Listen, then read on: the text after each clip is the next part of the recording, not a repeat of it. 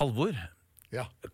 hvordan er du til å takle uventa situasjoner? Det kommer litt an på graden av uventahet. Ja, selvfølgelig. selvfølgelig. Ja. Ja. Altså, jeg tenker, du er jo veldig ofte ute og holder motarbeiderforedragene dine. Mm. Tenk deg at plutselig så klikker jeg inn i publikum og begynner å skrike til sjefen sin et eller annet ukvemsord om hvordan de er. Eller, altså, Skrik eh, til meg, for eksempel. Eller til deg, ja. Jeg hadde en runde Hadde en runde hvor en som reiste seg opp, som ikke skjønte helt ironien. da Ok. eh, Som sa at nå fikk det være nok av å, å prate ned denne organisasjonen. ja. Og ikke bare skulle han banke opp den, men hadde en kamerat uh, av seg som uh, var mye større enn han, og det stemte. Han var mye større. Nettopp. Ja, det er alltid skummelt med folk med sterke kompiser. De her er respekt for. For flate, så De var jo med, de kom opp på scenen begge to. Eh, og, og, så, men det gikk eh, De måtte gå i pausen. De måtte det, ja. Altså, det er jo veldig Det kan oppleves ubehagelig hvis folk har veldig sterke meninger om ting, eller veldig sterke følelser rundt ting. Men i våre tilfeller, da, ofte så er jo det, den gode nyheten at det skjer i lukka forum. Ja. Men dagens gjest har opplevd mange ganger noe som kan sammenlignes med dette her. Men det skjedde på direkten på nasjonal radio.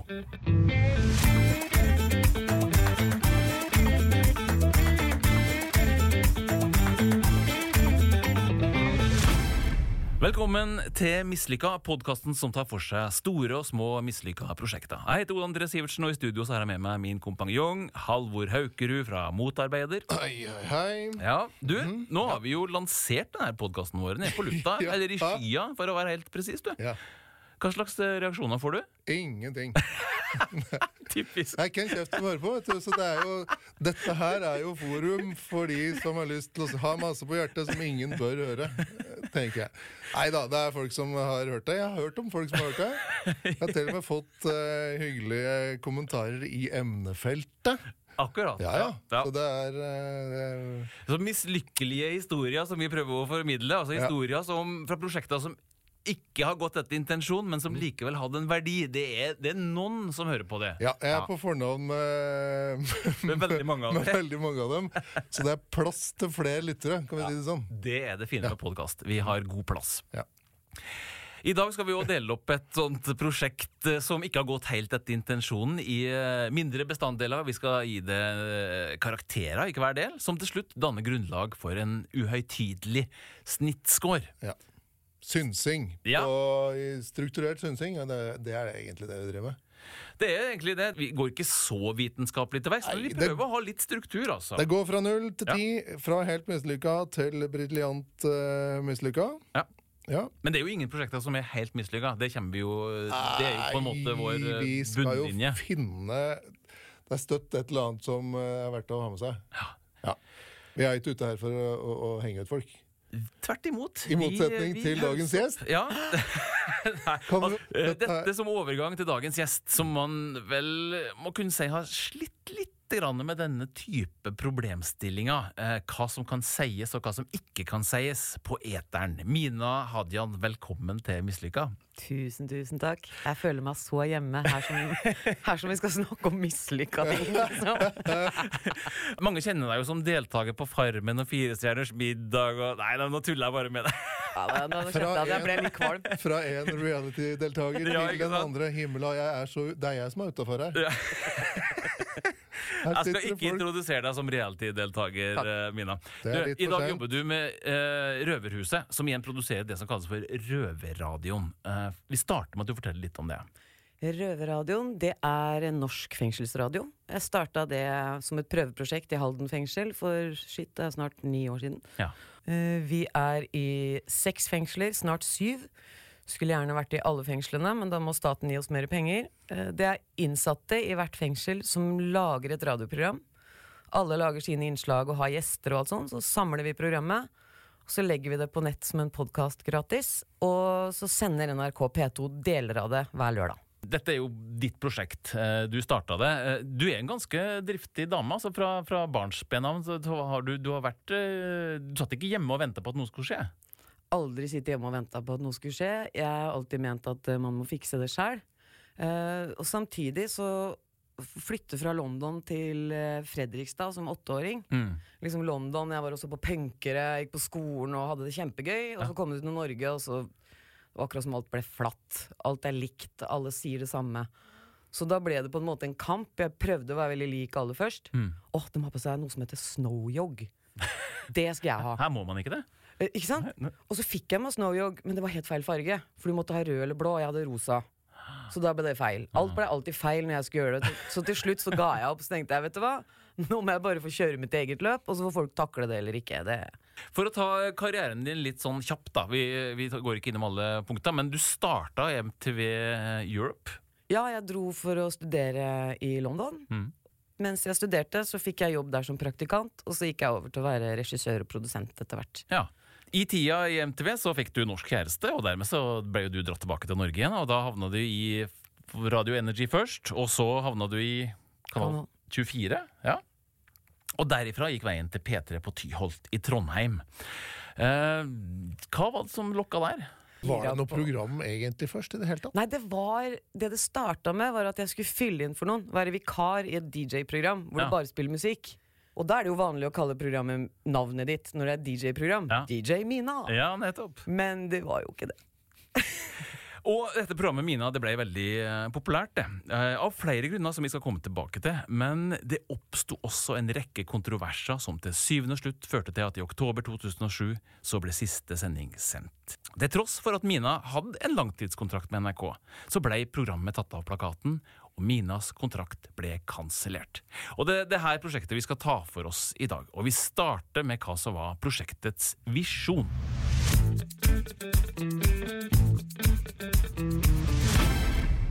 Ja, Visjon høres jo litt sånn eh, Det høres jo veldig uh, fint ut. på en Visjonært ut, vil noen kanskje si. Ja, ikke, ikke sant? Men altså, fortell altså, Du sier du starta som en DJ-slott, men det utvikla seg jo litt. Ja, altså jeg er ikke noe DJ. Jeg syns jo det er dødskjedelig. Og spesielt hvis noen andre bestemmer musikken. Du står der og spiller ting du syns er skikkelig dritt, liksom. Og bare mm, Ja, nå kommer denne fantastiske sangen. Mm. Og så hadde jeg ikke så veldig lyst til det, så da begynte jeg å ha litt gjester og begynte å snakke litt lenger. Hver dag fikk jeg mail av Håkon Mosleth med 'nå må du slutte å slette musikken'. Hvorpå jeg sa 'men det er jo ingen som liker Marit Larsen', hva er det du snakker om? Og så Jeg husker Jeg det- syns jeg har vært på konsert med Marit Larsen. Jeg syns det er helt kult. Ja, Marit Larsen, ja. Det var litt mye, da, for å si det sånn. Når du spiller Da har vi Marit Larsen igjen. Uh, Unnskyld, Ja, men Marit, du vet er du hva? nydelig. Jeg Nå synes må ikke vi Ok, La meg bruke noen andre eksempler. Ja, ta Rosa helikopter. oh. Hæ? Jeg skjønner jo at Ja. ja. Som eh, Håkon Mosleth bare elska. Så, mm, men det som skjedde, var at jeg, jeg gikk Jeg prøvde å liksom Nå skal jeg gjøre som jeg får beskjed om, sånn litt, i hvert fall. Og så gjorde jeg det jeg fikk beskjed om, og så var jeg veldig veldig forelska og sammen med en fin fyr eh, som plutselig bare dumpa meg midt på natta. Og da satt jeg der på morgenen og så tenkte jeg, ok, nå har jeg snart sending. Enten som jeg sjukmelder meg, eller som jeg går opp i det studio og forteller hva som har skjedd. Herregud, alle har vel blitt dumpa. Jeg begynte liksom å ha den diskusjonen med meg sjøl. Sånn, ja, er det så farlig? Ja? Kanskje man føler seg bedre? Kanskje noen andre føler seg bedre? Så jeg gikk opp, og så gikk jeg inn i studio og sa ok, jeg har blitt dumpa. Han vil ikke ha meg lenger. Åssen skal jeg hevne meg? Og bare Folk ringte og sendte meldinger, og det endte opp med at uh, de mente at jeg måtte ha en kjempestor plakat utafor jobben hans Ja. med bilde av meg som gir fingeren. Jeg har ikke gjort det. Men det Vi er venner igjen nå. Det er ikke for seint. Nei, jeg er veldig glad i fyren. Ja. Han prøvde å få meg tilbake etterpå. Da var det veldig deilig å si 'gå vekk'. Mm, jeg skjønner. Men altså, dette her er jo et program da, som er litt sånn Det starter i det spede, eh, søkende i stilen, egentlig. Men hvordan utvikla det seg videre? da? Altså, Hadde du en plan for det, eller bare ble det til mens eh, ble veien til liksom, mens du gikk? Veien ble til mens jeg gikk. Ja. Altså, Jeg har jo alltid veldig veldig, veldig mye ideer. Mm. Så det kunne være at jeg plutselig tenkte så Det kunne skje midt på natta. Herregud, menn som ser mye porno. Det er talentløst, det. De er så dårlig i senga. Hva kan jeg gjøre med det, ja? Jo, jeg kan bruke Carmina Burana som intro, og så legger jeg ekko på stemmen min, og så skriker jeg 'What the fuck is wrong with you?' og så lager, skriver jeg en sånn liten greie, og så ja, ja, ja, ok, det skal jeg gjøre. Eller en annen idé om Men det ble en fast spalte? det ble en fast spalte. Eller ikke hver dag, Nei. men når jeg plutselig fikk det over meg at det var noe Halvfast som spalte. En halvfast spalte. Ja. Så hadde jeg masse sånne halvfaste spalter, og så to gjester hver dag. Ja. Og det er det jeg elsker mest, det er jo å ha gjester. Og da er det om å gjøre, i hvert fall for meg, eh, humor selvfølgelig, Mm. men humor med litt innhold, da. Sånn Ludvig Nessa, for eksempel, abortpresten. Han, han får jo ikke lov å komme unna. Det er jo ikke greit at en fyr går rundt på barneskoler og viser fram bl blodige små dokker. Men Så- hvordan eh, de, no, Det bør jo begynne å ringe en bjelle på bakrommet, liksom. Når, sånn, du, er ikke dette her et sånn DJ-program? Altså, Ja, ja, ja. Nei, jo, ja, jo, det er det, men, men det er jo gjester inni der, er det ikke det? Altså, så, så, så, så, og så, så på, på, det har, det må, på et eller annet tidspunkt så sitter det noen og Vet du hva! Det er ikke noe DJ-program, det er masse gjester! Det er egne spalter. Ja, du har fått det med deg, du òg. Så det er jo sånn øh, Når eh, tid var det det ble øh, det det ble? Det tok litt tid for at det ble registrert hos sjefen min.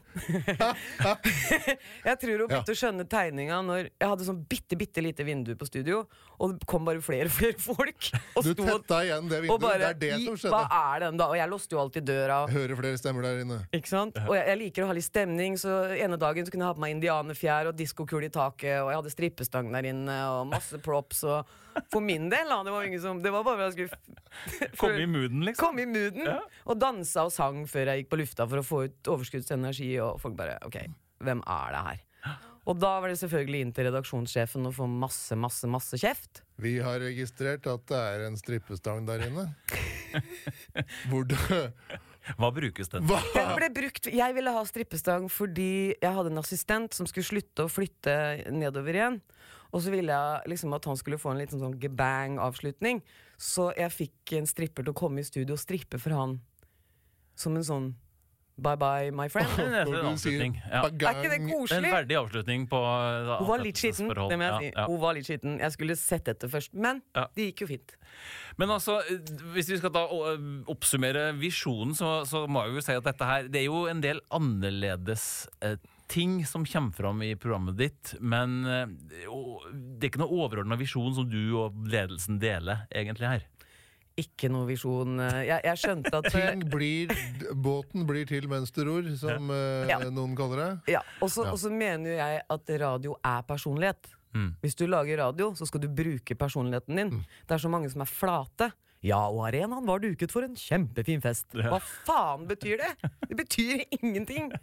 Så, så det er jo det jeg sier til røveren nå. Altså, du må, ja, kan ikke lage radio. Har du en personlighet? Mm. Ja. Tør du å vise den fram? Ja. Ok, men det skal jeg hjelpe deg med. Kom, nå går vi inn. Og de vinner jo priser over liksom Radio Norge og P1 og P2 og Ja, ja, ja. Elsker det. Og for de som nå sitter og hører på, så er det eh, rocking og, og, og Ja, bevegelser i studio. I studio. Det mangler bare en eh, Stanga. stang her, altså. Nei, nei, nei. Men på Visjon så eh, tror jeg vi må si at dette var modig, grensesprengende og nådde et stort publikum. Du ble også nominert til eh, Årets radionavn i 2007, ikke sant? Ja, stemmer det. Men, uh, Men ha- var det noe eh, visjonen er vel ganske ingen, Aner ikke hva jeg driver med. Vi møter opp hver dag. Ja, hun har møtt opp. Underholde. Ja. Liksom- Lære bort. ja. Underholde. Ja. Nina, du får karakter to for å ha møtt opp.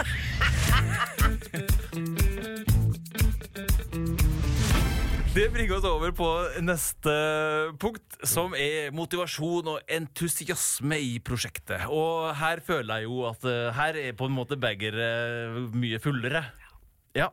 Absolutt. Det var døgnet rundt. Det var, det var døgnet rundt. Dette levde du med på en måte hele tida og var all in. Ja, så eh, dem som jeg jobba sammen med i P3, kalte programmet for Babyen til Mina. det er babyen til Mina, ikke fuck med babyen til Mina. Fordi jeg, jeg følte at jeg hadde et ansvar, og etter hvert som vi fikk mange lyttere Nå prøvde ikke jeg å tenke for mye på det, det var andre som heller ville dytte det ned i halsen min. Men jeg vet ikke, jeg vil respektere lytteren. Uten å tenke at lytteren er dum, for det er det du lærer når du går radioskole. Um, det er det jeg sier til dem som går på radioskole. Det er jo at eh, må ikke, må, ikke, må ikke snakke til folk som de er tette i huet.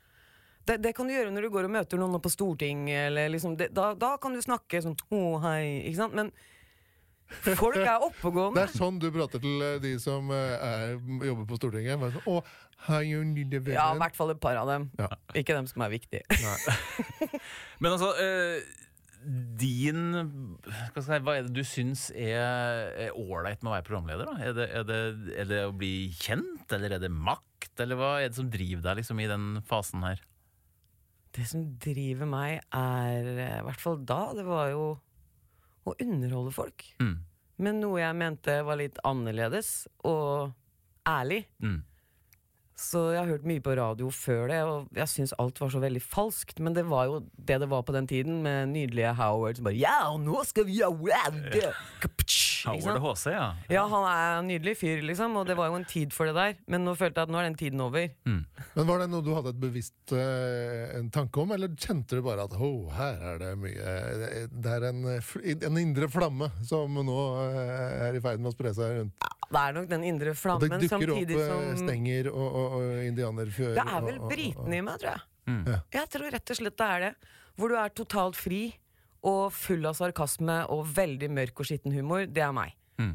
Altså, Jeg liker å tulle med de grusomste tinga, så da har jeg i hvert fall prøvd å gjøre det litt stuerent i det P3-programmet. I hvert fall sånn bitte litt. Men, altså, men, du får jo veldig gode tilbakemeldinger da, fra omgivelsene, tenker jeg. Det, altså, det er jo andre folk i eh, programskapermiljøet, det er jo eh, vanvittig mye lyttere. Eh, jeg snakka akkurat med en, en eh, som var i, i Nato-styrkene, som sa at gutta 90 15-25 år gamle gutter gikk rundt og hørte på mine, liksom. Uh, og han, det, det, det, var det de altså. valgte, på en måte. Uh, ja. Åh, nei, nå ble jeg rørt. Ja, Men dette er jo ganske kult, da, for det er jo si, ikke tradisjonelle radiolyttere som plutselig hørte på P3 på Mina uh, i den alderen der du kanskje bare hører på DJs, liksom. Ja, det er gøy. Mm. Jeg blir så rørt, for jeg har ikke sovet i natt. Altså. Um, og herregud, det er jo helt fantastisk, men det var noe som jeg ikke forholdt meg noe særlig til, fordi jeg hadde det minste crappigste studioet oppe på Tyholt. Alle de andre studioene ble pussa opp med sånne egg du sitter i, og sånne, vet du, sånne trær på veggen. Jeg hadde det liksom, det likte jeg. Jeg likte at jeg var sorte fåret. Bare stu henne bort. Så for meg, så jeg fikk det. Ingen som ringte meg og sa 'Å, så utrolig bra programmet ditt er'. Når noen strekker ut hånda for å gi deg tilbakemelding på noe, så er det som regel negativt. Ja. Og det, det er ikke det at jeg fikk så mye negative mailer og sånn, jeg fikk mye morsomt, da. Fikk sånn truser i posten og sånn, men det var liksom det at, jeg, det at jeg hele tiden NATO-truser Å, det hadde vært gøy! Nei, jeg fikk ikke NATO-truser. Nei, det var sånne skitne, ekle truser. Ja. Og så var det bilde av en fyr med sånn hockeypledd med vom som satt med øl på magen på terrassen sin. Så Men følte du egentlig som et press etter hvert at du skulle levere? jeg følte det vel kanskje som et press Å være liksom Jeg- litt sånn over, Vet du hva jeg følte? Nei, jeg følte ikke noe nå. Nå må jeg liksom toppe det her. Det jeg følte, at det, det var lytterne og meg Mm. mot resten. Mm. Mot alle andre. Så dere var på lag. Vi var på lag. Men eh, eh, NRK, som jo sendte dette greiene her, eh, de måtte ha noe eh, motivasjon for det. De, de liker jo oppmerksomheten. De liker jo å få flere lyttere. Du, Eh, du skapte jo eh, en eh, lytterskare.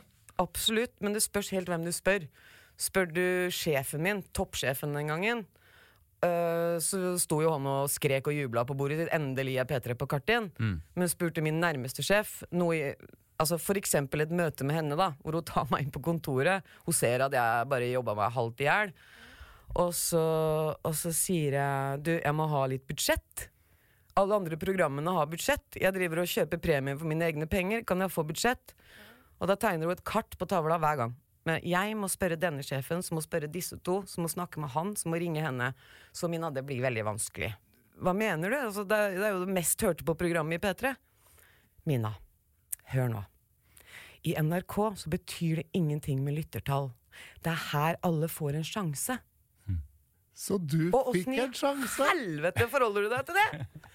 Og så er det sjef i Oslo som ringer og bare 'Mina! Mina!' Du må være glad for at du fikk sjansen, da. Jeg må jo det. Ja. Jeg har vært i bransjen i 100 år, og så skal jeg være kjempeglad for at jeg får lov å sitte og få to kroner betalt for å Ja, nei. Men la oss, eh, skal vi oppsummere den her? Jeg vet ikke om, om eh, Mina snakka seg litt ned på karakter på entusiasme nå? Eller? Jo, jeg tror kanskje det, men altså, det, Ja. det er jo noe Det er litt sånn eh, sprikende motivasjon. Altså, du Ja. har jo en indre driv, åpenbart. Den ligger jo der. Ja. Og så blir den forsøkt, eh, eller forsøkt mer eller mindre bevisst, bremsa litt opp. Mm. Eller Av noen i Altså, så det, den, det, Mm. det dras litt, og, og motivasjonen varierer litt, litt avhengig av jeg, i organisasjonen du faktisk eh, befinner deg. Stemmer Ja. det? Mm. Det varierer over hvem, hvem jeg må forholde meg til. Da. Ja, Mm. sant? Mm. Nei, så det er vel litt sånn jeg, Hvis man drar de begge venner, så, så der ligger midt på treet. tenker Ja. jeg. Det er rett og slett en femmer. Vi har kommet til gjennomføringa av prosjektet. Og eh, programmet Mina, det var jo Det rulla jo og gikk. Altså, du, du har snakka om at uh, hvor, hva som skulle være innholdet, det ble litt sånn til etter hvert. Uh, men dette ble jo et program som alle visste hva uh, man kunne forvente av etter hvert. Og man fikk stort sett det man hadde forventning til. Eh, kan du bare fortelle litt hvordan en, et program så ut, eller hørtes ut? Nei, altså Hver sending hadde et overordna tema. Det var det jeg jobba ut ifra. Ja. Hvor jeg tenkte ok uh, Terje Søviknes, da. Ja. Uh, han var ikke han en planlagt gjest, men nå bare bruker jeg det som eksempel. Mm. Han er gjesten. Han har vært beskyldt for å anmeldt for voldtekt. Han er også politiker. Mm. Så da ville temaet vært uh, kanskje folk som har gjort ting som de ikke blir straffa for. Og så finner jeg sånne folk her og der. Jeg finner eksempler fra USA eller fra England. Og så kan jeg ringe. Jeg hadde jo en sånn telefonliste fra helvete. på en måte Jeg hadde jo eksempel alle telefonkioskene rundt omkring. Så jeg ringte jo Empire State Building. Hey, see any planes? Ikke sant? Altså jeg, bare, jeg bygde et program rundt en sak, på en måte. da Ja. Og så dro jeg det ut i alle retninger. Det viktigste for meg var at det ble en retning ingen andre hadde sett. Jeg tenker Du fikk jo ordet på deg for at du skulle være litt drøy. da Var det dilemma for deg hvor langt ut du skulle dra det? Hadde du Planla du det, eller? eh, Planla aldri Nei. hvor langt jeg skulle dra ting. Altså Jeg tenkte ikke på det sånn. Nei. Ofte så ble jeg veldig overraska når, noen bare- når noen reagerte på noe. Mm. Eh, Men det er jo fordi det skjer veldig mye i studio som folk ikke ser. Så altså Du hadde bestemt deg for et tema, og så, ta Terje Søviknes her, da. Eh, der, der er det jo noe med du er jo veldig følelsesstyrt, opplever jeg. at Hvordan du nærmer deg et tema. Eh, og Der ligger det jo en historie i researchen um, eh, i den saken som gjør at det kanskje blir litt voldsomt. da. absolutt. Altså, jeg er jo eh, elsker å gjøre research. Jeg passer jo på at jeg gjør så mye jeg kan før jeg åpner munnen min, selv om det høres ut som det bare kommer ut av rumpa. Men det, det, har faktisk, det er litt planlegging bak det. Ja. Og med Terje Søviknes hadde jeg holdt på ganske lenge med å finne denne tenåringen som hevda å bli voldtatt. Eh, jeg fant henne på plata. Mm. Eh, hun er heroinist. Var. Håper ikke hun er det nå. Mm. Um, jeg fant ut at eh, politiet som hun anmeldte saken til, er bestekameraten til Terje Søviknes. Så liksom det var så mye grums, da. Så jeg drev og hadde det i bakhodet tilfelle han skulle dukke opp igjen. For da hadde han jo vært borte en stund. ikke sant? Mm. Og så lokker jeg opp Dagbladet. Midtsiden så står det 'tjener mer enn statsministeren'. Og så tenker jeg 'nå! Nå skal jeg gjøre det!' Ikke sant? Og det er vel kanskje den mest spontane jeg gjorde i P3. For vanligvis så ville jeg liksom da satt på litt musikk, gjort det i opptak, men jeg bare ringte fyren, jeg. Og mitt første spørsmål var hva slags utdannelse har du egentlig? Hva slags erfaring og utdannelse har du i arbeidslivet, skole, hva har du gjort for å tjene mer enn statsministeren? Ja. Nei, han hadde jo gått seks måneder på siviløkonomistudiet, eller noe sånt. Å ja, ja, men det teller ikke, Terje. Ja.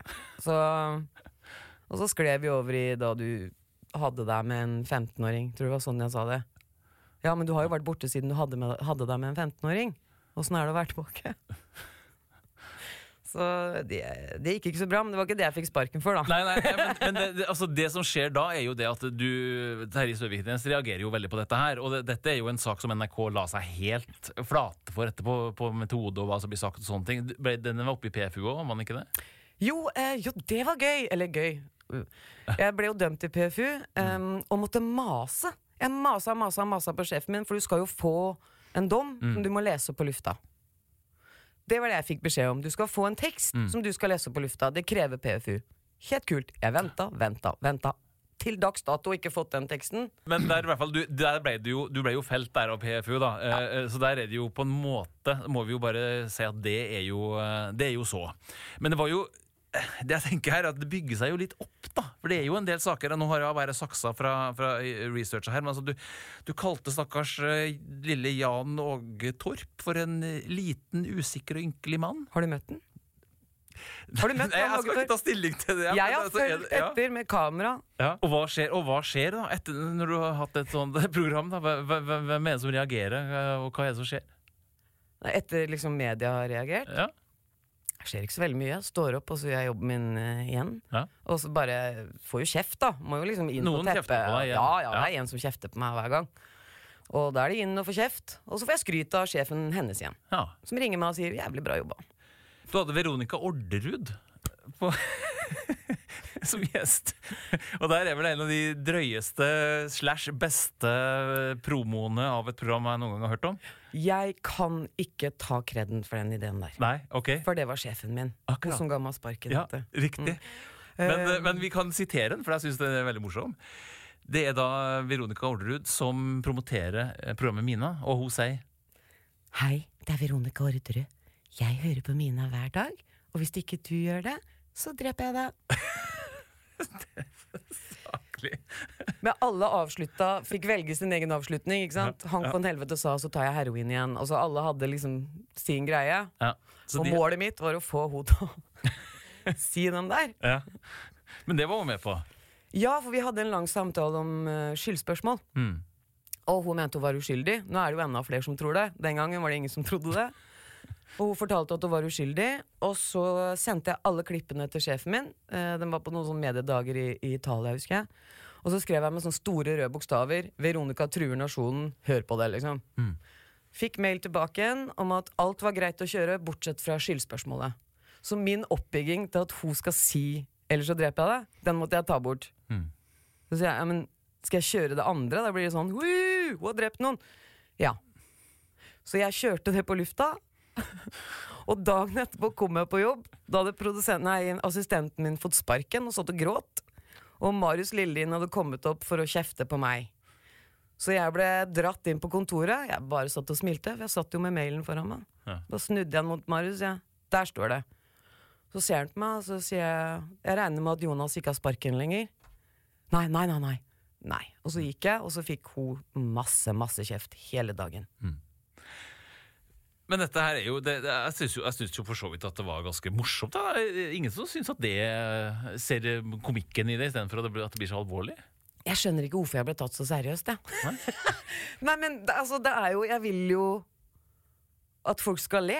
Jeg vil jo ikke til enhver pris, det er ikke det jeg mener, men det er min humor. Det er sånn min humor ser ut. Mm. Og alle bruker jo sin humor i programmene de lager, og det de gjør. Du kan liksom ikke bruke noen andre sin humor. Mm. Det blir jo jævlig kjedelig. Eh, og ikke så veldig ekte. Så det var en sånn, For meg så var det med Veronica Orderud Det var en sånn liten godbit til de faste lytterne. Jeg sendte den én gang, og så sletta jeg den fra hele systemet. Mm. Så dem som fast hører på Jeg kjørte den til og med mellom to låter, når folk pleier å skru. tenkte jeg, ok, De faste lytterne de får med seg den her, liksom. Og så er det jo den saken som veldig mange husker deg fra, da, med Marianne Aulie. Æsj. Ja. Ja. Ja, det, det er jo, det er jo, det er Du fikk masse kritikk for det. Ja, det er helt krise. Ja. Altså, Kritiser meg for Terje Søviknes og alt mulig, men hva folk gjør live på lufta Jeg kunne ikke dratt ned den spaken fortere. Mm. Og spesielt, Det er jo veldig spesielt når noen ikke sitter i studio. Hun satt i studio på Marienlyst i Oslo, og jeg satt i studio i Trondheim. Ja, Så du har ikke øyekontakt med henne? Hun er rett og slett på, på en link fra Oslo og Ja. i uh, intervju med deg. Ja, og jeg prater med henne. Jeg er helt på bristepunktet øh, når jeg, For det, for dette, det, bare for å ta litt bakteppe der, for her er vi på et tidspunkt når du har fått mye kjeft etter hvert. Eh, Du er på en måte litt sånn mellom barken og veden her, for du vet ikke hvor hardt du kan trykke på ting, og, og du, får, du er liksom eh, under lupen hele tida fra ledelsen i NRK. Så du har jo egentlig preppa uh, intervjuobjektet her på å holde seg litt på teppet. Ja, jeg sa bare du, Marianne, jeg kjenner ikke deg, men jeg har det jævlig tøft om dagen. Så hvis du er i det programmet her for å liksom si et eller annet uh, sinnssykt, så bare ikke gjør det. Bare dropp det. Men dette er direkte. det ja. Ja. Så liksom på slutten av programmet når jeg sier sånn som jeg pleier, da, er det noe du har lyst til å si til det norske folk? Så hører jeg jo Tar liksom en stor pust, og så bare 'Jeg ble voldtatt av og jeg, får ti, og jeg bare drar ned alle spaker. Jeg slår til og med av lyset i studio. Ja. Og jeg sto der inne og bare Nå, nå går det til helvete. Ja. Så gikk jeg ut av studio, la meg på sofaen til sjefen og gråt resten av dagen, mens alle andre måtte sitte og ta telefon. Det bare gløda hele Men du, du skjønner umiddelbart at her er det liksom Dette er problematisk. Ja, Ja. Det er jo ofte det, altså, når man uh, outer eh, to forholdsvis uh, framtredende personligheter i kulturlivet i Norge, som det heter. Ja, ja. Det var jævlig unødvendig å si det, altså. Det, det takla ikke jeg så veldig bra. Nei. Så dette her dette var i, uh, var i mars i 2007. Men du fortsatte eh, som programleder uh, i Mina en god stund etter dette her. Og, men det, det var på en måte runden var ganske fast. Det var Du provoserte litt. Rane. Det var folk som var ute og beklaga, og som ringer deg for å beklage etterpå. Samme kjøret. Samme kjøret. Jeg, jeg kjenner jo litt på at den entusiasmen vi snakka om, da, at den må jo dale litt etter hvert. Nei, nei, nei. Nei? Ser du det? Ja, fordi det er greit jeg fikk angst for verden og folk og alt mulig, men mitt faste holdepunkt som jeg følte at det her elsker jeg, det her vil jeg gjøre for alltid, det var det programmet. Så det, det var det jeg gjorde. Jeg satt jo, jeg fikk jo kjeft for å komme for tidlig på jobb, eksempel. Pleide å være her i sekstida. Ikke veldig gøy for assistenten min. så, så det var alt. Ja. Hvis vi da skal nærme oss til på en måte endeliktet i prosjektet, da. Hvis vi skal gå dit. For, for dette handler jo om eh, Det handler jo om en, en siste program der eh, teknikken rett og slett svikter. Og, og du får eh, et Jeg kan ikke si et illebefinnende, men du blir i hvert fall fryktelig sur for at ikke det virker. Hva er det som skjer da? Det som skjer, er at jeg får en ny assistent tre måneder før det her. To-tre måneder. Veldig hyggelig fyr, skikkelig bra fyr. Og hele tiden så maser han på min, vår sjef om at han må lære seg teknikk. For jeg er ofte ute i feltet, live, og da må noen stå i studio og dra i spakene. Men siden hun ikke ga oss ti kroner i budsjettet engang, så bare dytta hun det, foran. dytta det foran. Han masa, jeg masa.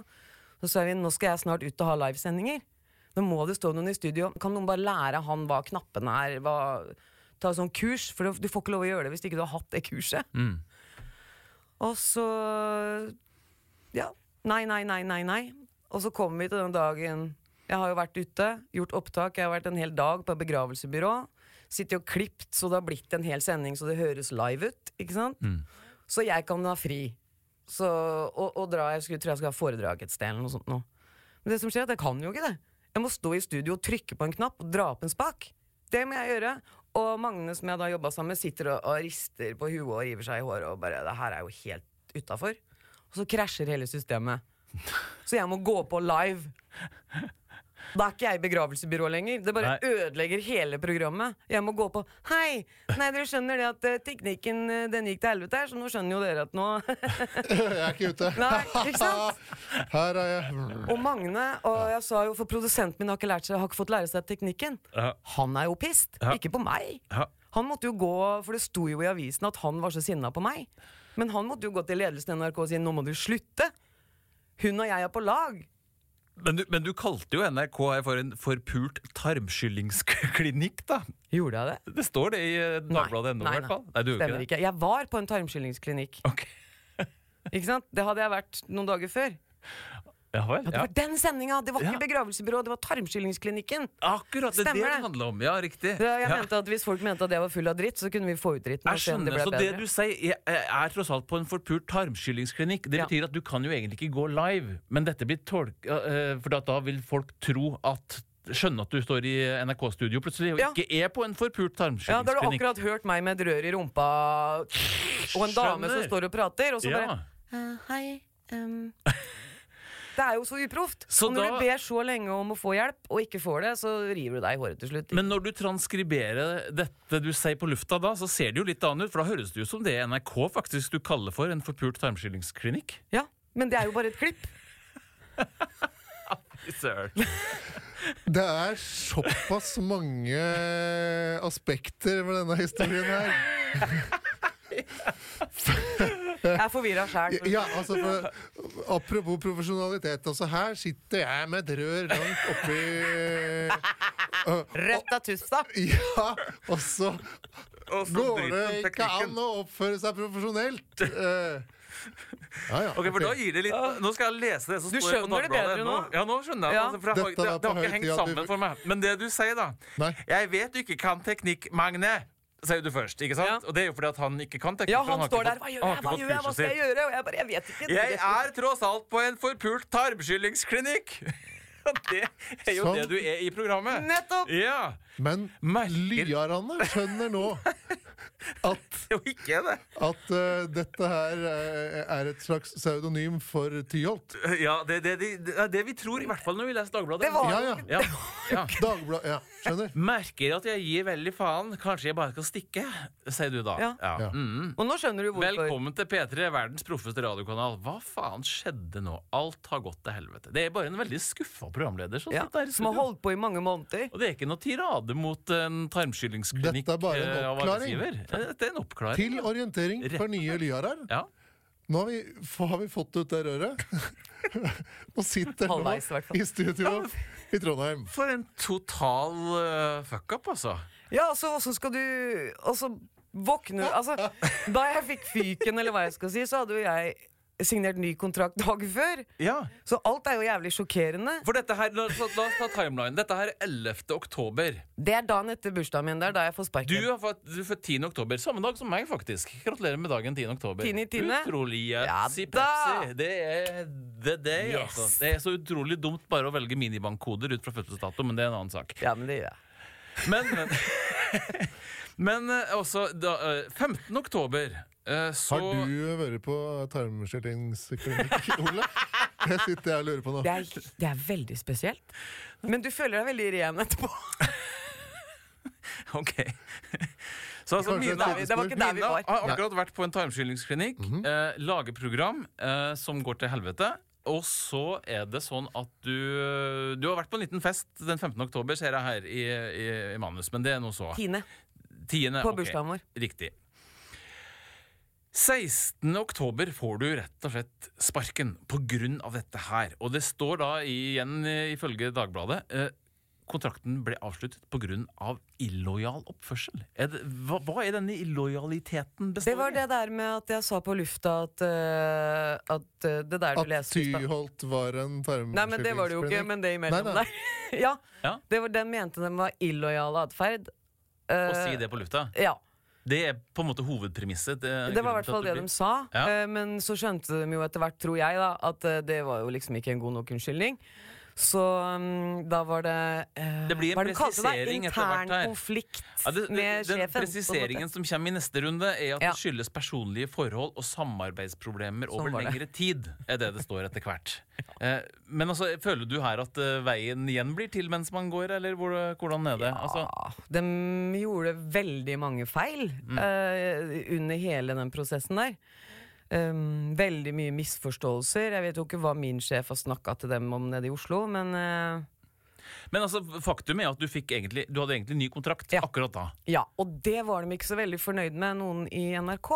Og det var fordi jeg hadde hatt en måned på meg på å bestemme om jeg ville fortsette i P3 i, på Tyholt, Mm. eller om jeg ville bare slutte i NRK. Mens jeg ville jo til Oslo og ha programmet mitt fra Oslo, nær familie og sånn. Mm. Men det sa de, det kommer aldri til å skje. Så enten så må du bo her oppe og jobbe i P3, eller så må du slutte. Så jeg brukte litt tid. Fitte masa. Jeg har aldri blitt masa sånn på i hele mitt liv. Ringte meldinger, mail hele tiden. Mm. Og så Det virka som de forventa at jeg skulle si nei, da. Mm. At nå slutter jeg. Fordi jeg var ganske miserabel oppe i Trondheim. Men jeg sa jo ja. ja. Så da hadde du egentlig kontrakt? Og den var helt hvite i trynet begge to. Bare, ja, bare få den kontrakta hit, sa jeg. Så signerte jeg. Ja. Og så gikk jeg ut og hadde bursdag. Og så fikk jeg sparken. Så da, var det egentlig, da hadde du egentlig den kontrakten. Alle hadde sagt at dette var sånn det skulle være. Og så bestemmer man seg for at du skal eh, løses fra den kontrakten likevel dagen etterpå.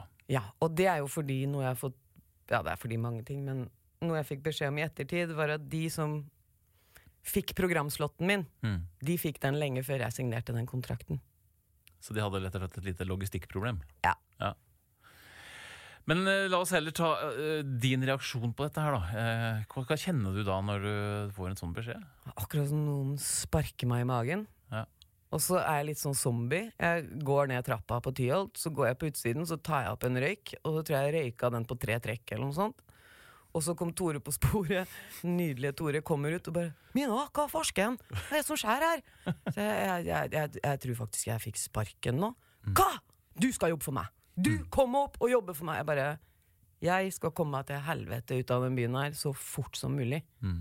Og så hun her og nå, som jeg alltid glemmer navnet på, her og nå-produsenten, eller redaktøren, hun sa også det. Kom inn til meg, kan du jobbe hos meg? Så jeg, jeg kan ikke gå rundt i de gangene her. Bare, Jeg ser for meg Mina og Store på sporet. Har vi googla hvor hen Han er så søt. Han, han har lært meg kappgang oppi gangene på Tyholt. Han mente at jeg hadde talent for det. Det er et bilde jeg gjerne skulle ha sett. Mine Adrian og Tore på sporet går kappgang. eh. Nei, han er herlig. Men altså eh, Du blir jo da først lei deg og sint, Ja. egentlig, på en gang. Eh, hvordan eh, så går tida? Eh, Det gikk jo veldig lang tid. Ja. Fordi jeg ble jo jaga av pressen veldig lenge. Mm. Jeg hadde se og høre i buskene mine og liksom Det var, det var Det sånn. var, det var sånn. Ja, hæ? Du prøver å være anonym, så har du rosa shorts på deg, langt skjegg og sånn kjempestort kamera. Alle ser deg, liksom! Jeg trodde du snakka om deg, jeg nå, men du snakka om Ja, det kunne vært, men, eh, det var, eh, Se og Hør. reporter. Ja. Øh, det var så mye av det, så til slutt så dro jeg, satt jeg på Skavlan, husker jeg. Og så da, Jeg hadde jo ikke lyst til det, men jeg følte at da får jeg gjøre det ett sted. Prate ett sted. Mm. Og så legger vi den ballen død. Så når jeg kommer og setter meg i studio til herr Skavlan, så sier han 'ja, hva er det du heter for noe igjen?' Jeg bare Mm. 'ok'. Det er det nivået her, ja. Ja. Er det hersketeknikk? Ja, Ja. det tror jeg nok. For det var jo sånn visse andre har vært, da. Mm. Med at du hilser ene dagen, ikke hilser andre dagen, kjefter ene dagen, skryter andre dagen. Altså, det er jo å forvirre folk. Det er jo det hersketeknikker er, er jo for å forvirre, da. Men dette her ha- Det har jo fått et uh, juridisk etterspill også. Ja, altså uansett hvor sjokkert og utafor jeg ble, så hadde jeg heldigvis en fantastisk manager som bare Mina, det her er ikke greit. Mm. For hun har jo hørt alt, og bare Det her er faktisk ikke greit. Mm. Så da kalte vi inn til møte med sjefen min i Trondheim, og så hennes sjef som ble med. Og da lister vi opp alt som jeg har prata om her i dag, f.eks., og noen flere drøye ting. Og så får jeg beskjed om at jeg kan få en viss sum, var ikke mye, og så skal jeg holde kjeft. Så det syns jeg liksom at jeg har gjort lenge nok nå, føler jeg. Men altså, det, det var rett og slett en, eh, en utbetaling for at ja. vi skulle avslutte saken der og da, og du skulle ikke diskutere det. Skulle ikke fortelle at de dem hadde godkjent ting og alt det der. Skulle ikke fortelle det. Eller spesielt hva hun hadde gjort, da. Mm. For det var veldig mye drøyt. Så, så, så for å oppsummere det, så er det da at NRK egentlig ikke hadde en formell god nok grunn til å gi deg sparken, Nettopp. og heller betale seg ut av det i Ja. denne sammenhengen. Men jeg sa jo det at uh, jeg var jo såpass tett i huet at jeg sa jeg vil heller ha tilbake programmet mitt. Mm. Hæ? Hva er det du driver med da? Men, uh, Men sånn ble det ikke. Nei. Den bare så på meg, bare hæ? Ok. Dette var slutten på eh, programmet Mina. Eh, hva skal vi si om det, Halvor? det er jo en vill historie, egentlig. Det er jo eh, det er mange historier, vil jeg si. Fylt opp av fuckups og misforståelser ja. og gode intensjoner. Og Så det var jo et Prosjektet, programmet Mina, var jo etablert og rulla og gikk, og det var full Alle var fornøyd Eller altså mange, mange var fornøyd, Ja. mange var misfornøyd. Man fikk jevnlig kjeft, man fikk jevnlig ros.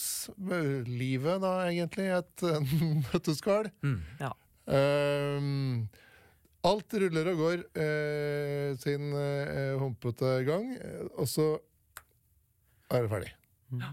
Jeg syns det er litt sånn problematisk egentlig å se på prosjekt For at det er jo både prosjektet og så er det NRK. Og så er det akkurat som at det er, det, det, Egentlig så er dere på lag, men så likevel så krasjer det på en eller annen måte som gjør at Prosjektet er jo ikke perfekt. Det det, du, du føler at dette er en, eh, en personkonflikt som, som eh, oppstår. Og det er jo selvfølgelig en del av prosjektet som kunne vært løst. Uh, sikkert også. Er det en selvoppfyllende profeti på en måte at det må gå til helsike før eller siden?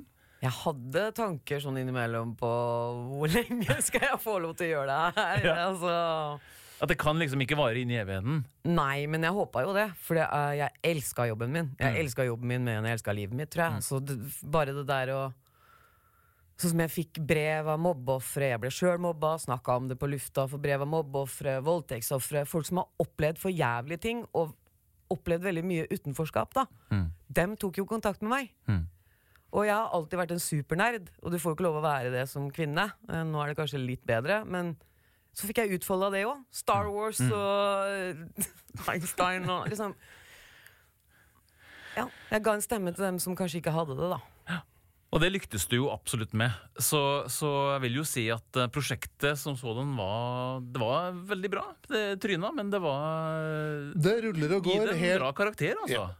Prosjektet ruller og går helt til eh, det stopper opp, fordi at du har rett og slett ingen eh, kringkaster til å få det ut lenger.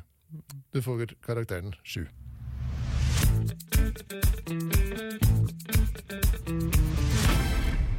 Da går vi til neste, som jo er Vi har allerede diskutert litt. Organisasjoner.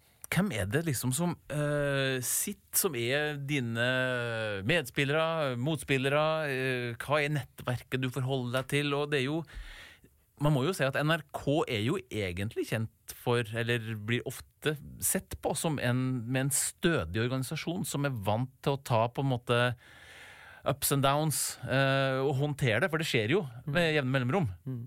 Og det var jo også ønsket med programmet ditt, egentlig, at man skulle pushe litt disse grensene. Jeg syns vel eh, Jeg kan ikke forholde meg til det som skjer på Marienlyst, fordi der jobba ikke jeg. Eh, det som er på Tyholt, er at det, det er veldig mange som ikke er fra Trondheim, som jobber der. Så det blir litt sånn folkehøyskolementalitet. Ja, det er en Så- veldig sånn gjeng, sånn studentersamfunnfølelse. liksom. Veldig sånn Og jeg er på jobb! Mm. Min fritid er når jeg er ferdig på jobb. Da kan jeg gå og kose med venner og, og ikke fra jobben. Mm. Ikke sant? Med andre folk. Så jeg syns det ble litt for mye Kumbaya Malord utafor Tyholt der. Og mens jeg satt og jobba, så drev de og spilte basse. Og de, de hadde det jo veldig koselig, men for meg så jeg, I was on a mission, på en måte. Jeg, jeg skulle levere. Jeg hadde ikke så, så mange sånn liten gul Post-It-lapp før jeg gikk i studio. Jeg hadde liksom sånn bok, manus og masse greier i studio. Og Men følte du at du var litt utafor resten av organisasjonen på Tyholt? da? jeg følte at uh, dem jeg jobba med, var fantastiske. Selv om dem spilte bass og hadde Kumbaya Malord, så, så trengte jo ikke jeg være med på det. Nei. Men etter hvert som jeg ble mer og mer kjent, og programmet ble mer og mer hørt, så tror jeg kanskje dem følte litt på det. At ja, hun er liksom så ja, får så mye oppmerksomhet, du, du kan ikke spille basse med oss engang. Men hallo, jeg gjorde ikke det fra starten heller. Så Men jeg elska å jobbe i NRK. Herregud, bare med klippeprogrammet. Jeg kjørte jo all teknikk sjøl. Og telefonlistene og ressursene. Liksom å ringe Pål Bang-Hansen og si 'Hei, har du sett den der?' Ikke sant? Det gir deg jo en mulighet å si at du ringer på NRK. Jeg- jeg- da får du de fleste i tale. Ikke sant? Jeg elsker NRK, derfor syns jeg det var så synd at For meg så føltes det ut som det var én person som bare ødela hele bildet mitt. da Som knuste hele bildet. Men nå har jeg heldigvis klart å bygge opp det bildet litt igjen, og er tilbake på elsk. Jo, men altså, jeg tenker jo dette er, Du er en veldig følelsesstyrt person som skal inn i et program som eh, det er lov til å si, si meninger og ytre følelser eh, igjennom. Er det da problematisk hvis ikke organisasjonen din eller sjefen din da er med på samme laget som deg? Det må, det må jo bli en krasj. Det er et kjempeproblem. Ja. Det er jo et kjempeproblem Men hadde dere ikke noe dialog på dette her? Jeg synes Det er litt overraskende at dere ikke har mer sånn åpen dialog på det. At det, det virker bare som at dere hele tida stanger. Ja. Det var stanging eh, kontinuerlig. Jeg vet at sånn som innimellom så kunne det være fredstid. Men jeg er ikke en sånn person som har lyst til å gå ut og ta en pils med sjefen min. Mm. Eh, Så altså, Kontroversielle programledere på radio er jo ikke noe nytt. Det har Nei, det er ikke noe nytt. liksom. Så- bare ikke så- damer. Nei, ser du det? Ja, du syns at det var eh, grensesprengende i 2006? Tydeligvis. Jeg var sjokkert hver gang noen reagerte på noe. Ja. For jeg tenker at hvis du er ute etter å provosere, hvis det er det du sitter og lager program for, så faller det flatt. Altså Jeg var aldri ute etter å provosere. Jeg var ute etter å lage noe jeg, jeg hadde lyst til å lage. Mm. Og så virka det som andre likte det, og det er jo, da er jo det en kjempefordel. Vi skal prøve å avslutte denne organisasjonsdelen. Den, den er jo, det ligger jo en personkonflikt der. Det gjør det jo. Men uh, hva annet skal vi si om organisasjonen? Vi skal si at alt er på plass. Ja. Altså, alt ligger til rette. Uh, alt er i orden. Det er bare Og det ruller og går. Mm. Men så er det altså noe hva skal vi si, mer eh, litt sånn kulturelle, mellommenneskelige ting som gjør at det begynner å lugge litt. Sånn at det derre eh, samspillet i alt det som egentlig ligger der, ikke blir så bra som det kunne Mm. ha blitt. Og det burde du egentlig hatt en metode for å løse opp i, tenker jeg. Ja, og det finnes Og det er da det kommer gule lapper, og så er det tid for avdelingsseminar. Ja. Eh, og det er lunsj til lunsj, og det er frukt på dag to ofte. ofte. eh, Hva? Det klikker for meg med sånne ting. Ja. Beklager. Åh, så seminar med Peter hvor alle skal sitte sammen, alle skal se på det samme, alle skal drikke det samme, alle skal gjøre det samme. Det er sånn en organisasjon blir til, Mina. Det er sånn en kommunistisk organisasjon blir til. Og med disse ord, eh, som Ja. vi, så, så gir vi karakteren tre. Nettopp!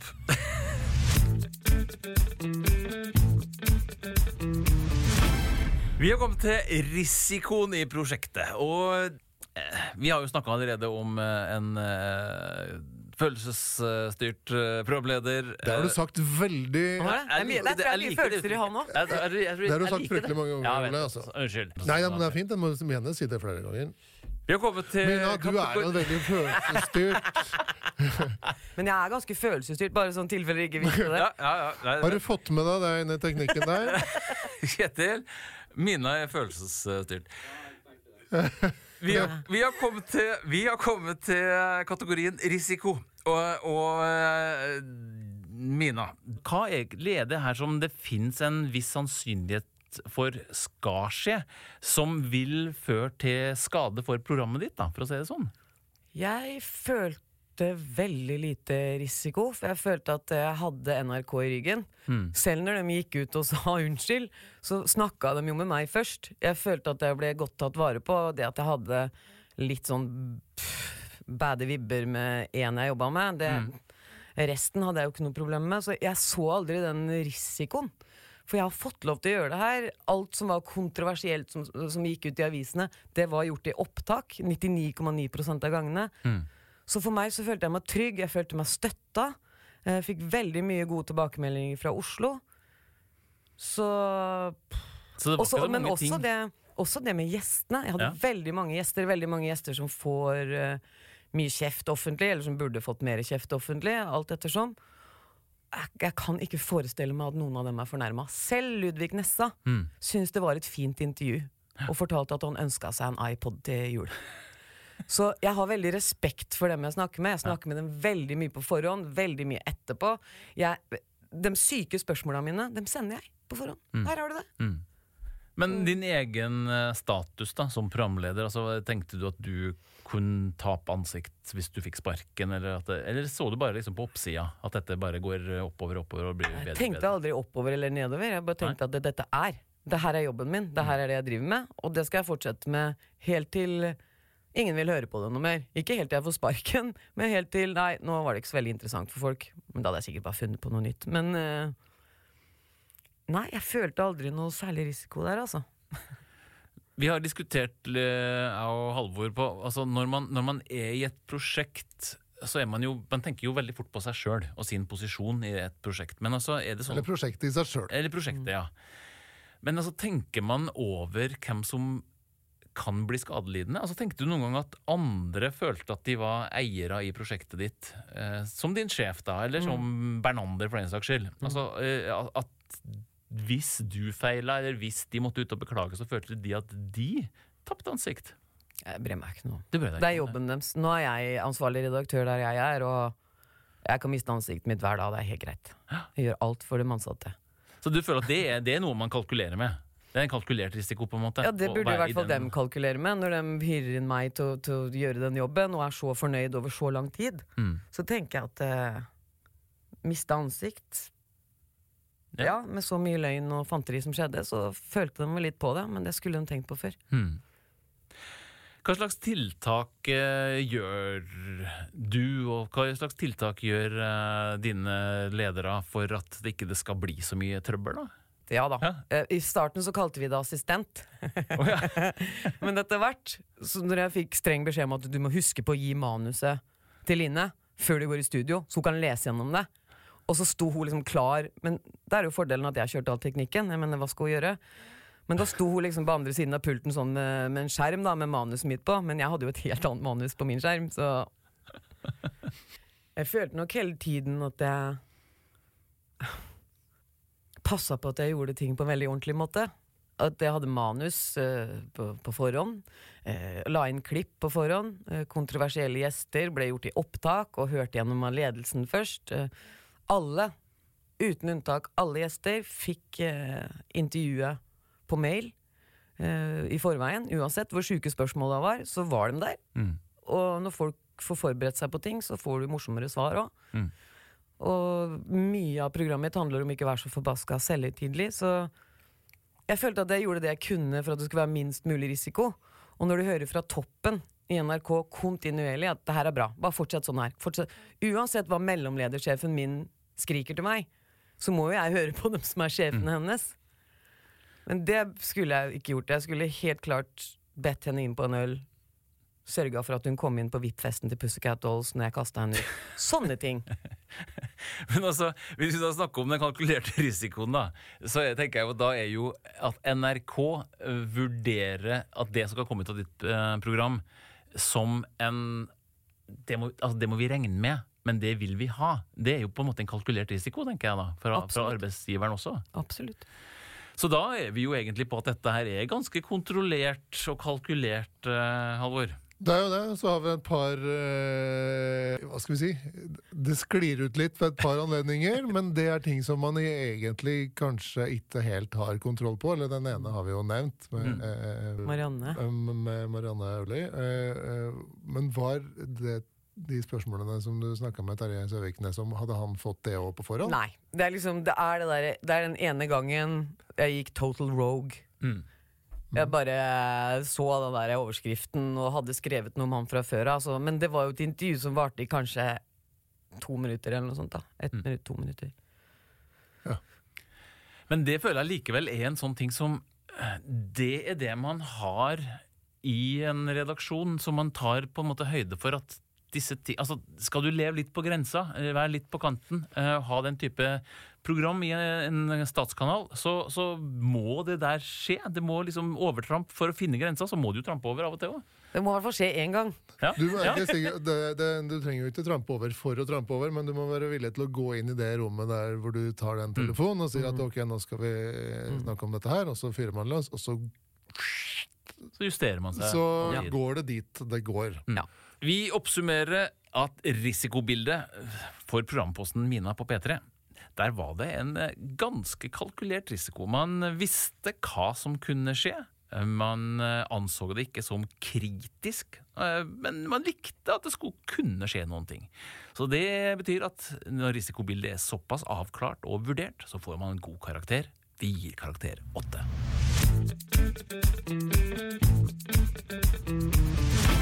Siste punktet, Mina, det heter læring. For vi håper jo at når man har gått litt på trynet, så kan man ta med seg noen ting. At man ikke har landa helt ned på null igjen, og det kan man jo ikke si at du har gjort heller. Nei. Men hva vil, hvis du skal trekke fram på sånn toppen av det du, du sitter igjen med som du uh, syns har verdi da, av å ha vært eh, programlederstjerne i P3 på begynnelsen av 2000-tallet? Hva tok du med deg derfra? Det jeg har fått mye nytte av nå i ettertid, er jo kontaktene jeg fikk. Ja. Alle gjestene jeg intervjua nå, sender jeg dem inn i fengsel hele gjengen for å bli intervjua av røverne, så det setter jeg veldig pris på. Kontaktnettverket jeg fikk. Uh, og så, ved å ha det programmet, så mista jeg litt meg sjøl. I forhold til hvordan andre forholdt seg til meg. Sånn, Trodde jeg likte rock, eh, trodde jeg styrta vodka hver dag. Liksom, alt det der. Mm. Jeg ble den figuren. Så for meg så var læringen å finne meg sjøl igjen. Finne ut hvem er jeg, hva slags musikk liker jeg egentlig, hva slags klær liker jeg egentlig, hva har jeg egentlig lyst til å melde til verden. Så Mm. Det har vært en heftig lære, læringsprosess med depresjon og angst og alt mulig innimellom ting. Og det er ikke det at jeg er superglad for at det skjedde, jeg, jeg er ikke det. Jeg syns ting ble gjort på en ganske skitten måte. Mm.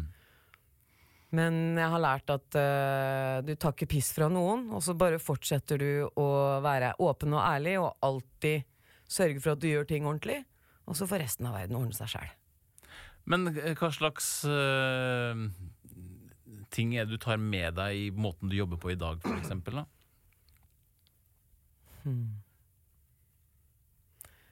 Det jeg tar med meg fra det programmet, eh, det er ganske mye, men jeg tenker på det her med at radio er personlighet. Mm. Det at Hvis man skal lage et godt radioprodukt, så må man dele litt av seg sjøl. Men det er forskjell på å være personlig og privat. Mm. Uh, så det er det jeg prøver å lære røverne. Så alle teknikkene jeg kanskje brukte overfor gjester for å få dem til å åpne seg opp fort eh, eh, At jeg var sinna på et eller annet, så kunne jeg skrive det ned og gjøre det til noe kreativt isteden. Alt det der lærer jo jeg røverne. Mm. Som gjør at de blir flinke kjempefort, istedenfor at det tar lang tid. Mm. Men vi har jo snakka om eh, det å bygge et nettverk rundt seg, hvem man jobber med og sånne ting også. Altså det, nå er du på en måte stor pike og kan egentlig bygge din egen organisasjon da, som drar i samme retning. Ja, og det elsker jeg. Ja. Å sitte og kunne velge hvem jeg jobber med. Og den gjengen jeg jobber med, er eh, Nå skal ikke jeg begynne å grine igjen, men det er den mest fantastiske gjengen i Norge. Vi får drittbetalt alle sammen, og jobber sikkert 200% Og alle har en indre ild og glød til å lage fet radio og redde verden, på en måte. Mm. Så den gjengen der, de kommer aldri til å få sparken. jeg bare håper ikke de slutter. Men det, det, det tror jeg ikke. Du får ikke noen flere sånne ølbrikker og brukte underbukser i posten nå? Ingen ølbrikker og brukte boksershortser. Nå er det brev fra barn av innsatte foreldre som har plutselig blitt stolte over uh, ungen sin som har vært narkoman i 30 år. Altså Mm. Alt er mye hyggeligere, men eh, jeg er alltid på vakt. jeg er ikke helt Jeg går inn med sånn halvpiggene ute når jeg skal inn i et møte, og så trekker jeg dem inn etter bare et par meter. Men, for jeg går inn med den tanken at nå skal hun si noe stygt til meg, liksom. Ja. Men eh, her går bedre. Hvis vi skal oppsummere, Holvor. læ punktet læring. Det er jo en strålende sånn eh, headline her. Mista jobben, fant seg sjøl, lager fet radio, redder verden. Har du fått alle Tusen takk Ja. eh, for oss. Eh, nei, Nå sletter slipper jeg mikken i bakken. jeg tror vi er et godt stykke opp på den skalaen på, på læring, eh, Ole. Definitivt. Vi eh, gir karakter åtte.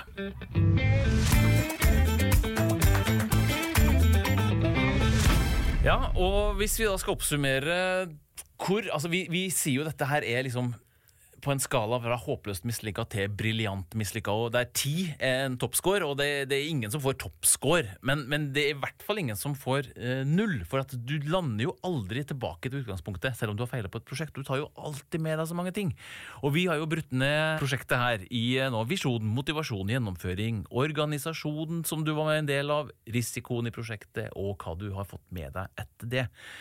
Og i en gjennomsnittsscore da, så har du fått karakteren seks på en skala ti. Det betyr at du vipper over i den briljante delen Nå snakker vi. karakterskalaen vår. Så altså, Prosjekt Mina det var jo egentlig da på mange måter briljant. Er du stolt av tida, eller eh, har du, litt, har du litt sånn smerte når du tenker på det? Eller hvordan er det? Jeg har smerte når jeg tenker på det, men det er bare pga. måten det ble avslutta på. Mm. Men elsk for eh, programmet. Jeg angrer ikke på noe av det jeg gjorde eller sa. Eller Jeg elsker fortsatt det programmet. Så Så du føler at eh, karakteren den er helt på sin plass? Ja. Veldig bra. Vi er jo ikke underlagt Vær varsom-plakaten. Uh, Det burde vi kanskje. Nei, altså, Nei, nei, nei, nei. Skal, vi, har, vi vi skal Nå jo har være de glad to for at vi ikke har den muligheten. reality-deltakerne rotta seg sammen her, så det er helt meningsløst. Jeg er jo en trygghetssøkende odderling. Ja. Du må huske på det. Eh, Å sitte her sammen med en som har vært på øde øy, eh, og, og ei som har vært på Farmen. ja, gud da. Ja, dette er, jeg skjønner hva at dette er stas. Halvor. Jeg skulle heller vært på den øde øya. Mye mer eh, det. Ja. Har, vi, har du et stunt på, stunt på slutten, Halvor? Bare så kan eh, på en måte toppe noe av det Mina har eh, bidratt med her? Nei, det er veldig lite. Ja. Eh, Det er fryktelig lite, som sagt. Jeg er veldig klar for ryddige og rolige rammer. Ja. Vi er jo ikke så spektakulære av oss. på en måte. er, Se på meg. Jeg er jo ikke spektakulær. Vi skulle ha fyrt opp Mina litt mer. Det er bare å nevne noen navn, det, så er vi Det er bare å nevne gang, navn. ja. ja. ja vi, vi må være forsiktige med å røre i gryta. Eh, Det er forfriskende, men det er krevende egentlig å lande sånn at det kommer ut rett. da. Det er jo det som er på en måte problemet. og det fører jo ofte litt støy med seg, som man må håndtere hvis man velger å gå den, eh, den runden der. Da. Men eh, all Noen ære det bedre enn andre, kan det, vi si. det vil vi definitivt si, og Mina er en av de. All ære til deg som uh, gjør det, uh, som tør og står i det, og ikke bøyer av så lett. Men vi uh, vil gjerne ha flere som Mina, vi. Å ja. Ja.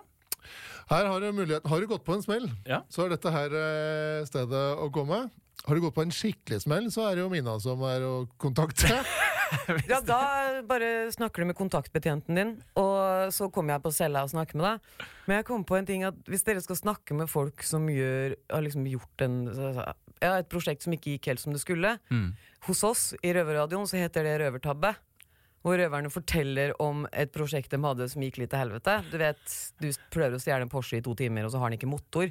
Og så skal du tenne den på, og så står du litt nærme, og så blåser av deg alle øyenbryna, øyenbryna og håret. Så dere burde kanskje invitere en sånn big time røver for å fortelle om Briljant mislykka røverhistorie. Nettopp. Det får vi se. Kan være en lite sidekick. Eh, definitivt. Sponset av Innovasjon Norge. Og vi kommer gjerne til fengselet, vi, som event eller workshop. det, den, den tanken Og- har jeg tenkt for lengst. Det er jo kjempeklasse å stille opp der. Nå skal vi ha en liten workshop her. Er det noen som har en case som de har tenkt å ja, sant? Sånn, Innhold er det nok av. Ja. Men jeg mener det. Dere skal inn i fengsel og ha workshop. Veldig kult. Vi tar selvfølgelig imot den utfordringen der. Eh, Hva er vel bedre enn å se prosjektene eh, man har prøvd seg på, i et nytt lys? Kanskje, Vi pleier å si at kanskje var det bra de ble starta likevel. Det er jo ikke sikkert at hvis man er dømt for det, at det stemmer. Men eh, vi, vi tar det er, nå er vi ute på konsekvensavdelingen. Ja. Denne episoden av Mislykka er over. Tusen takk til Mine Hadian som delte sin historie fra NRK P3 og veien til Røverradioen med oss.